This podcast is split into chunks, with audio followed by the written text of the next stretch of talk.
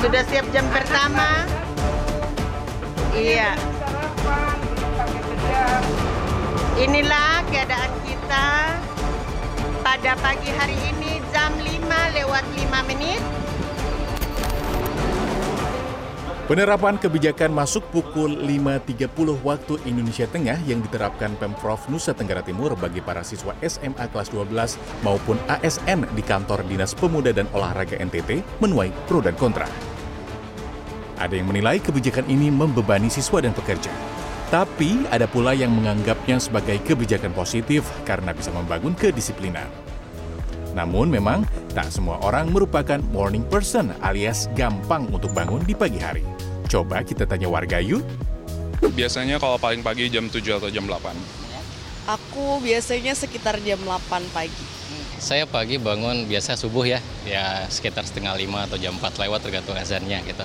Lebih ke mood sih, moodnya lebih bagus, terus habis itu uh, lebih produktif. Hmm, ya kalau misalkan emang kita udah cukup tidur sih, bangun lebih pagi sih pastinya uh, jadi lebih seger ya. Kayak fisiknya semua kayak udah ke recharge semua gitu sih. Untuk mental sih ya lebih kita lebih tenang gitu ya. Kalau untuk fisik uh, tergantung kondisinya sih pak. Ya, setiap orang memang memiliki kebiasaan jam bangun berbeda-beda. Kalau kamu biasa bangun jam berapa?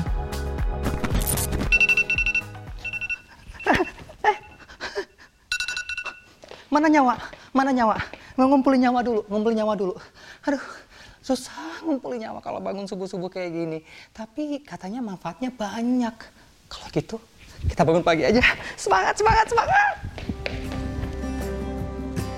Ternyata, kebiasaan bangun seseorang dipengaruhi oleh jam biologis alias body clock masing-masing individu.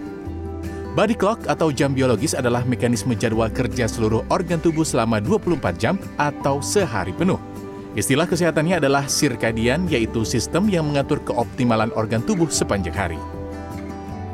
Dokter spesialis gizi klinik Mulyana Daya mengatakan, individu yang terbiasa bangun pagi akan merespons oksigenasi dengan baik yang akan memperlancar peredaran darah. Dari sisi kesehatan mental, bangun pagi ternyata juga banyak manfaatnya loh. Manfaat uh, bangun pagi kaitannya dengan hormon uh, tadi senang, bahagia, dopamin, endorfin, lalu dikaitkan dengan fokus, kognitif, self-love, banyak sekali hal-hal yang bisa kita dapatkan, lalu sempat untuk bisa lebih baik lagi uh, berolahraga di pagi hari dengan matahari yang kita dapatkan, membuat kita lebih berenergi dan ber, lebih berproduktif.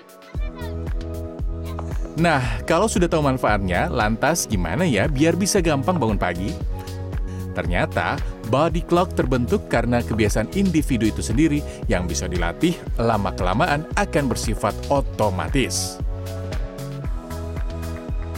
Sehingga badan kita nanti akan menyesuaikan irama sikardiannya akan dengan sedemikian rupa, badan kita akan ada alarm clocknya, even kita nggak pakai alarm manual atau dari handphone, badan kita akan bangun sendiri. Mungkin kalau kita setting harus bangun jam 6 setiap harinya. Gitu ya.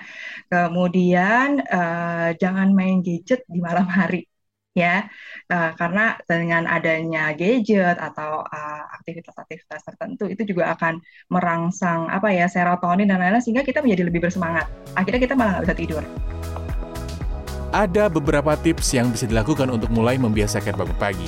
Yang pertama, pastikan Anda memiliki motivasi dan tujuan yang jelas untuk bisa bangun pagi. Pasang alarm dan tidurlah sebelum pukul 11 malam. Hindari penggunaan gawai sebelum tidur, rutin berolahraga dan sarapan, serta saat bangun pagi, pastikan Anda mendapatkan cahaya matahari yang cukup di dalam kamar. Nah, bagi Anda yang masih ngerasa sulit bangun pagi, yuk dicoba tipsnya. Biar fisik dan mental kita menjadi lebih baik untuk menunjang aktivitas seharian. Roni Satria, Septiadi Pradana, Jakarta.